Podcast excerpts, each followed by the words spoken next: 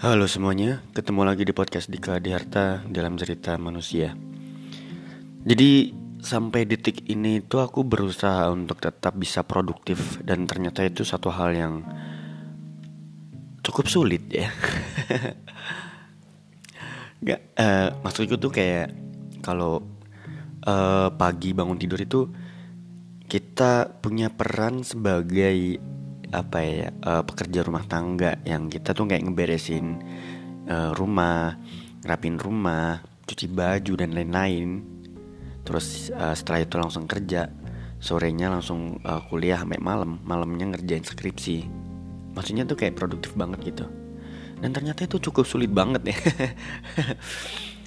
uh, ternyata itu setelah dibayangin uh, setelah uh, setelah dibayangin itu kayak enak banget gitu. Nah, pas dalam rangka implementasi itu cukup uh, males juga ya menjalankan hal-hal yang uh, sebenarnya di usia-usia uh, antara 18 sampai 20-an ya mungkin uh, sampai usia 26-an itu uh, rasa kemal tingkat kemalasannya itu akan lebih tinggi dibandingkan dengan uh, apa ya rasa produktivitas manusia gitu. Jadi di sini uh, produktivitas itu uh, berkurang uh, berkurang karena kemalasan kita gitu ya gak sih?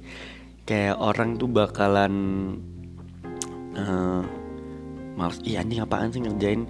Kita ngerjain di di uh, masa depan yang belum tentu jelas gitu kita nggak ngerti apa yang terjadi di masa yang akan datang ya.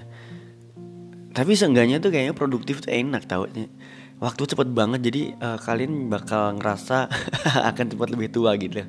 Kalian juga akan lebih cepat meninggal gitu kan. Jadi semakin kita produktif uh, waktu itu akan semakin singkat dan angka harapan hidup itu berarti rendah juga ya. Iya gak sih? ya udahlah kalian aja yang cepat mati aku mah nanti aja.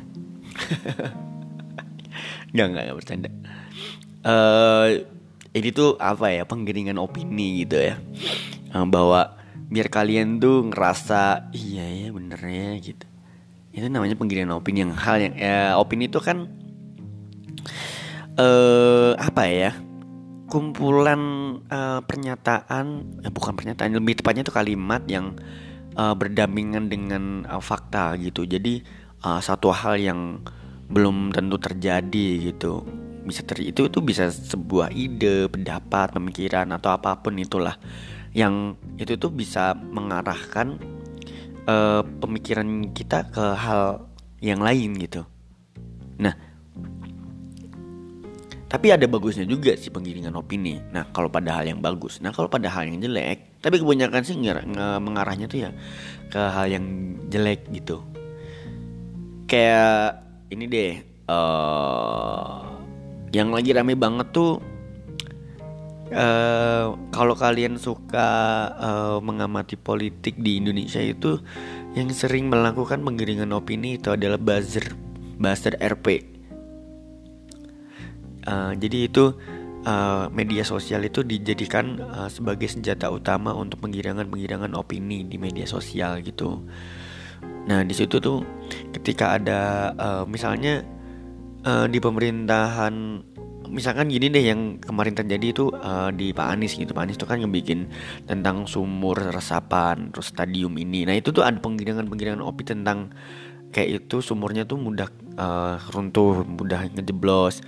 Uh, kayaknya seakan-akan tuh uh, Anies Baswedan ini tuh uh, cuman apa namanya uh, pencitraan untuk 2024 uh, kandidat 2024 Terus ya sebetulnya yang namanya pemerintahan tuh semuanya nggak nggak luput dari pencitraan, nggak sih? Kayak banyak banget pejabat-pejabat yang uh, yang mereka tuh sebenarnya um, mencari citra bagus di mata masyarakat gitu. Padahal masyarakat juga ini nih yang yang seharusnya cerdas tuh masyarakat harus paham yang kenapa sih mereka melakukan hal kayak gitu. Ya kalau emang dia melakukan hal kayak gitu sampai dia jadi presiden uh, melakukan hal terbaik buat masyarakat ya nggak apa-apa gitu. Nah masalahnya uh, mungkin karena mereka sudah terlena dengan jabatan atau mereka mungkin capek kali ya uh, setelah menjabat tuh ternyata anjing capek banget nih ngejabat tuh ngurusin banyak orang gitu. Duitnya uh duit oh jadi bahasa Sunda ya. Uh, duitnya nggak ada gitu. Makanya dia korupsi gitu. Jadi uh, buat nyalonin jadi pejabat itu bukan pakai duit yang uh, sedikit juga gitu. Mereka pakai uang yang luar biasa. Mungkin mereka utang dulu atau setelah uh, ngegadein aset-aset mereka. Tapi bisa jadi juga setelah jadi ini itu tuh uh, buat pengembalian modal selama setahun dia cari kerjaan-kerjaan bangunan-bangunan terus kemudian ada fee-nya yang masuk ke kantong pribadi. Dan man yang mana itu sebenarnya duit rakyat gitu asik. Ya kayak gitu sih sebenarnya. Uh, gimana ya? Kalian ngerti nggak sih buzzer itu?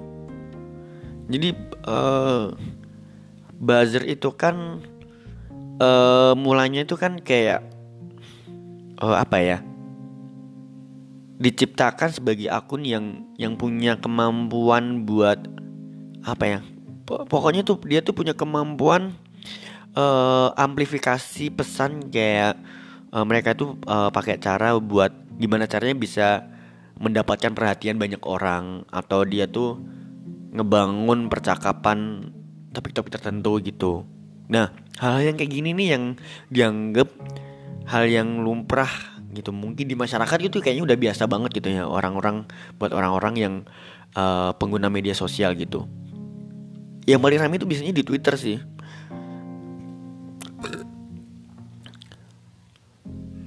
uh, gitu jadi uh, tapi tapi fungsi buzzer itu uh, yang aku tahu ya awalnya tuh buzzer tuh uh, bisa ditemuin pas uh, ada promosi produk-produk tertentu gitu nah sekarang uh, buzzer itu udah berubah karena bener-bener ada peristiwa keterlibatan peristiwa politik gitu jadi mulai dari situ tuh stigma masyarakat uh, sama buzzer ini tuh mulai negatif. Nah, jadi sebagai pihak yang dibayar gitu untuk apa?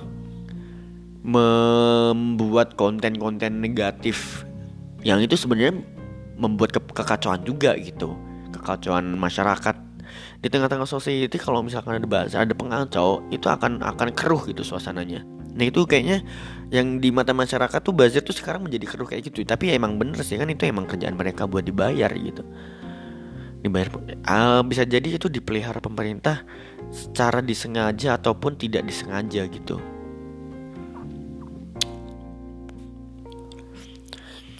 uh, tapi nggak ngerti kerjaan buzzer itu emang dia tuh sebenarnya kaum akademis atau enggak gitu kan. Karena bingung juga. Um, mereka itu kadang-kadang uh, melakukan penggiringan opini yang kadang-kadang masuk akal yang kadang-kadang gak masuk akalnya. Sebetulnya terlihat sih mereka itu sebetulnya sedang melakukan penggiringan opini, opini atau enggak gitu. Itu bisa terlihat nah yang yang bahaya adalah buat orang-orang yang susah memfilter gitu. Ya enggak sih? Kan banyak banget orang ya yang uh, eh ini ada berita apa nih? Padahal itu hoax gitu. Mungkin uh, kejahatan media sosial itu rentan terkena hoax kan masyarakatnya kan. Jadi kita harus bener-bener cerdas banget gitu untuk uh, menanggapi sebuah hal-hal yang seperti itu. Uh, gimana ya kasus yang yang paling ramai kayak uh, penggiringan opini terus malahan itu dibikin sama buzzer gitu.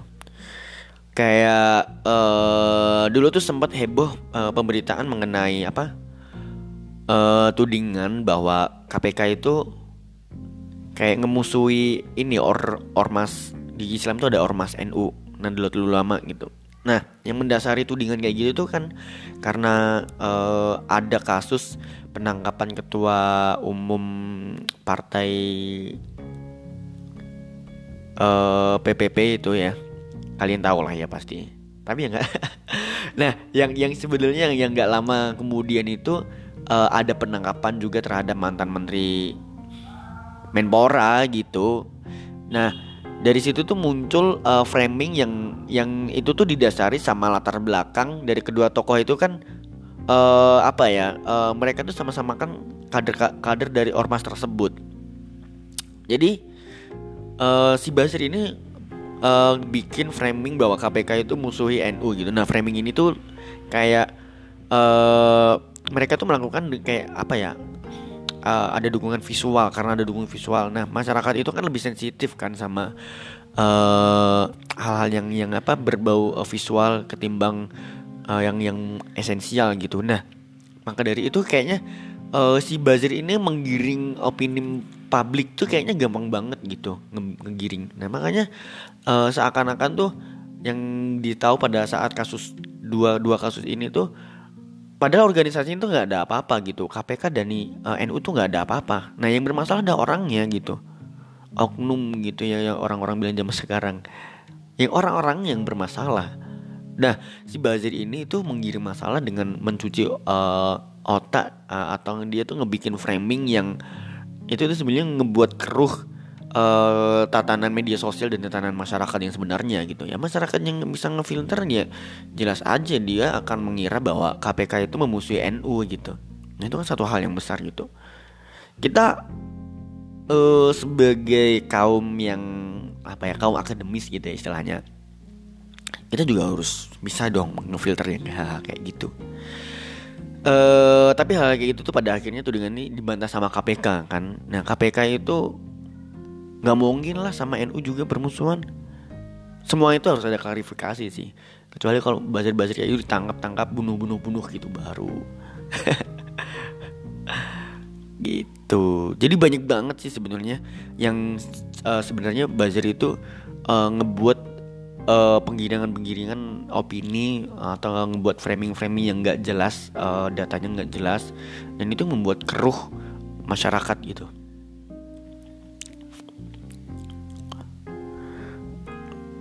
tapi ngomongin tentang ini tuh juga juga sebenarnya bisa diantisipasi dengan kita menganalisa ya. Kita sebenarnya harus konservatif juga dengan uh, dengan hal yang kayak gitu. Tapi jarang banget ya orang-orang yang konservatif dengan hal yang kayak gitu. Begitu ada informasi langsung ditelan aja weh. Langsung dia mau ngomongin ke teman-teman lain eh kemarin si uh, pemerintahan ini bla bla bla bla padahal belum tentu gitu kan karena pemerintahan kita itu sistem eh, karena di negara kita itu sistem demokrasi sehingga muncul banyak banget yang hal-hal yang kayak gini. Ya itu dampak negatifnya tuh pasti banyak banget uh, penggiringan-penggiringan uh, opini gitu. Beda ya sama negara-negara komunis nggak ada tuh yang yang ngeritik pemerintah. Semua masyarakat itu jelas banget uh, posisinya tuh sama semuanya kelasnya beda sama negara demokrasi itu kayaknya kelas sosial tuh pasti ada banget. Itu menurutku cukup menyakiti ya uh, secara society hukum society itu sangat menyakiti. Bahkan orang yang miskin itu kayak beberapa kelompok menganggap bahwa orang miskin itu adalah uh, orang yang uh, malas orang yang hina dan lalala padahal bisa jadi mereka terjebak sama satu hal uh, mungkin dari pikiran mereka sendiri atau hmm, banyak hal banget nah um, yang episode sebelumnya tuh aku pernah menyebutkan kan kalau uh, di pemerintahan Cina sebelum uh, masa pemerintahan Xi Jinping mereka itu uh, pokoknya kan ada tiga kaisar ya. Uh, yang pertama nggak tahu namanya, yang kedua aku lupa namanya, yang ketiga Xi Jinping. Nah, yang sebelum Xi Jinping kalau nggak salah yang nomor dua uh, dia itu menciptakan negara komunis dan visi mereka itu memberantas orang miskin. Emang nggak mudah sih. Karena mereka itu menganggap uh, ideologi komunis itu uh, me memandang bahwa kemiskinan itu mereka itu orang-orang uh, jadi gini orang-orang miskin itu uh, mereka tuh terdampak kejahatan sosial. Nah itu harus diatasi semua. Nggak boleh ada yang miskin gitu. Makanya orang-orang di Cina tuh banyak yang kaya gitu mayoritas. Bukan kaya ya Kayaknya kelasnya sama semua lah Orang yang bercukupan. Mereka bukan orang-orang yang susah. Ya negara komunis mungkin juga banyak yang kaya kan? Coba mana yang negara komunis yang miskin. Aku belum pernah dengar gitu Atau aku, emang relasinya kurang gitu kan Gak tahu. Siapa tahu kalian tahu gitu. Dan uh, jadi uh, kaum akademisi ilmuwan kaum terpelajar itu sebenarnya juga menurutku nggak nggak nggak menjamin mereka itu terjaring hoax dari uh, media sosial gitu. Jadi solusi pertama itu yang menurutku efektif itu kayaknya kita juga harus uh, kita untuk menghindari uh, penggiringan opini itu kita dengan apa ya pemerintah harus menggunakan pers secara resmi. Ngerti nggak sih?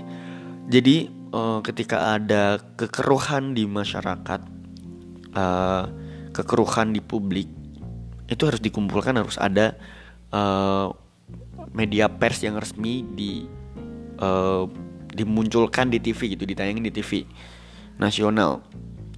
Nah itu jelas dipanggil pihak-pihak terkait. Nah itu harus ada klarifikasi Nah udah gitu menurut gua harus ditangkap sih buzzernya sih. Penjara aja kalau ngetonjokin aja. Ya ya harus kayak gitu dong. Karena pers itu kan penting banget kan Untuk melawan uh, buzzer-buzzer yang gak tanggung jawab gitu. Karena fungsi uh, fungsinya pers itu Mereka itu sebagai uh, pranata sosial yang mengedukasi uh, semua warga negara gitu Biar mereka itu bisa melakukan uh, sebuah perlawanan uh, terhadap penggiringan-penggiringan opini gitu. Ya kalau persnya oh, ternyata buzzer sendiri itu susah juga sih ya nggak sih kayak ternyata yang uh, yang kita harap-harapkan pers itu bisa membantu masyarakat dalam membuka fakta ternyata uh, pers itu adalah buzzer sendiri. Sedih banget ya kayaknya. Pemerintah juga nggak ngerti ya. Harusnya pemerintah juga punya ketegasan gitu. Etos kerjanya harus dimaksimalin sih. Malahan uh, pasca kebenaran kapitalisasi media berkedok berkedok hoax ini tuh uh, membawa kita harus lebih selektif dan bijaksana itu menyikapi hoax yang menyesatkan gitu. Bahkan kayak gitu itu menjadi uh, menjadikan indikasi-indikasi kepentingan paham uh, ataupun politik kepentingan berdampak uh, pada apa informasi yang yang udah nggak relevan lagi gitu.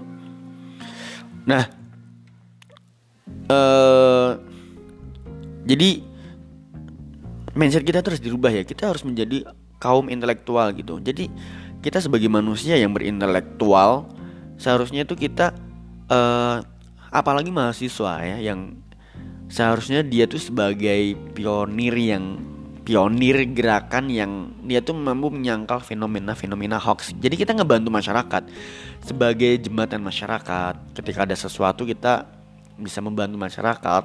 Ya paling kecil itu orang-orang di lingkungan kita lah, orang-orang di keluarga kita, di lingkungan pertemanan kita, Nah, peranan kayak gini tuh juga ternyata penting banget dibutuhkan untuk memberikan pencerahan-pencerahan. Nah, uh, mahasiswa itu kan biasanya punya gerakan gitu kan. Nah, gerakan intelektual gitu kan. Bukan bukan gerakan tanpa pemikiran kayak kelompok-kelompok lain gitu, ormas-ormas lain. Gerakan mahasiswa itu emang bener-bener ada. Jadi uh, teknologi itu uh, melahirkan perkembangan arus konsumsi kemudian uh, apa distribusi informasi juga.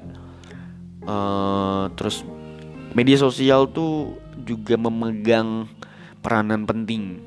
Jadi urgensi peranan teknologi itu uh, dalam proses masifikasi informasi itu terjadi ketika hasil teknologi membantu mengubah pola komunikasi gitu yang yang uh, itu tuh dibatasi ruang dan waktu.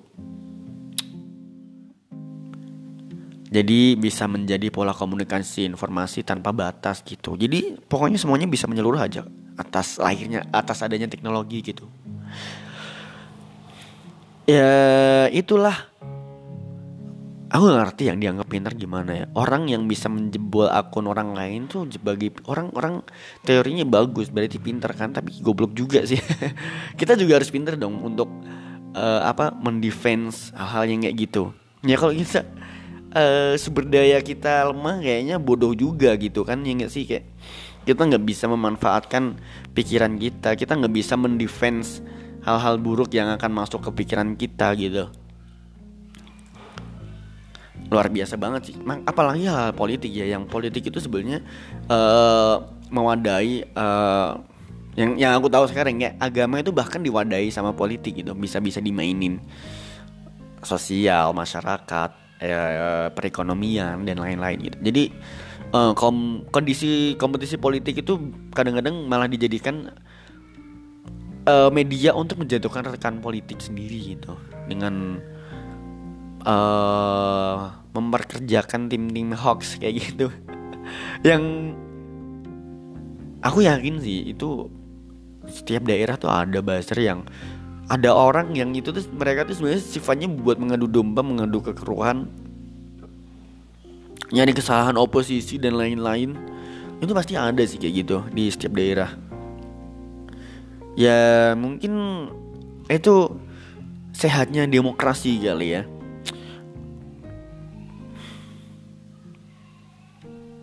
Makanya hoax itu senjata politik paling ampuh untuk menenggelamkan citra seseorang. Kecuali kalau orang tersebut membuka pers di hadapan publik disiarkan secara langsung mata publik melihat semuanya itu baru sih. Kayaknya harus kayak gitu ya. Semuanya butuh klarifikasi gitu. Nah, narasi opini publik itu dibangun atas apa ya? konsep publik gitu kan konsep image yang eh konsep publik konsep image yang yang uh, digaungkan lapak di apa di toko-toko promosi media gitu. Bahkan uh, setiap hari ada aja gitu narasi yang yang muncul secara masif. Dan tapi tapi menariknya adalah meskipun berita berita-berita busuk kayak gitu tapi mereka itu menyiarkan secara terkoordinasi tersusun secara apik termanajemen gitu. Makanya kalau kita bener-bener nggak punya SDM yang cukup untuk mendefense hal-hal yang nggak jelas kayak gitu kita juga akan termakan uh, hoax gitu.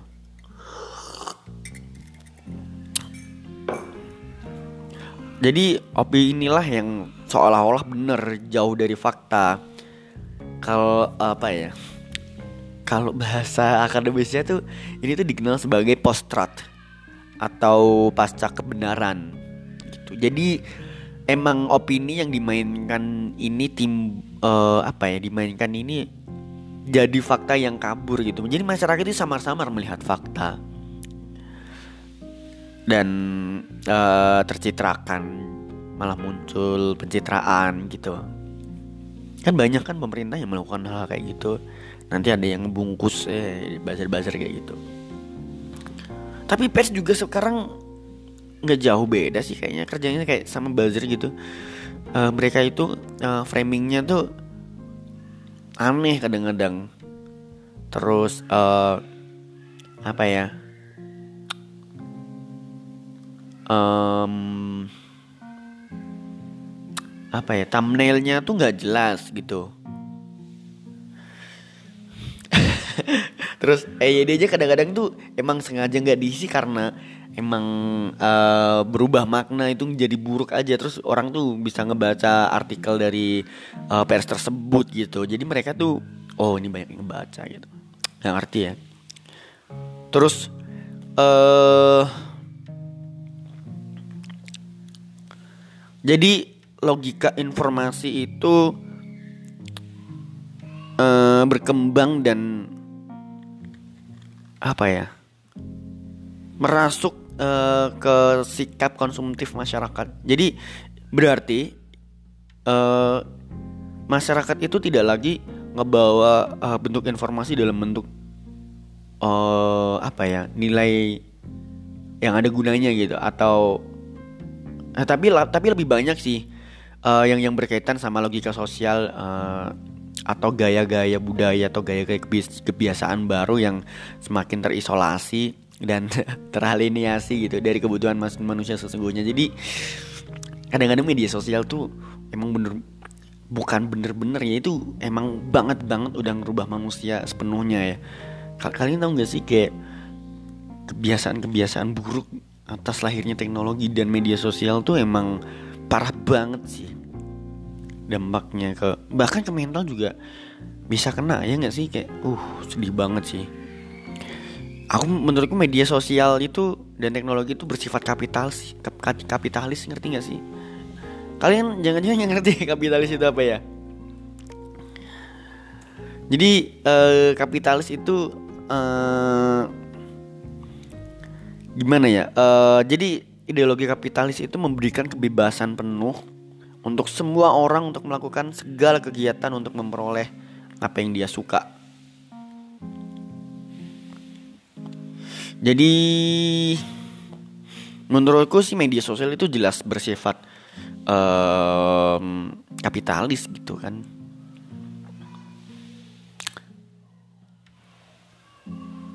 Sedih sih kalau kalau kalian jadi orang bodoh tuh kalian bakal bakal kasihan gitu.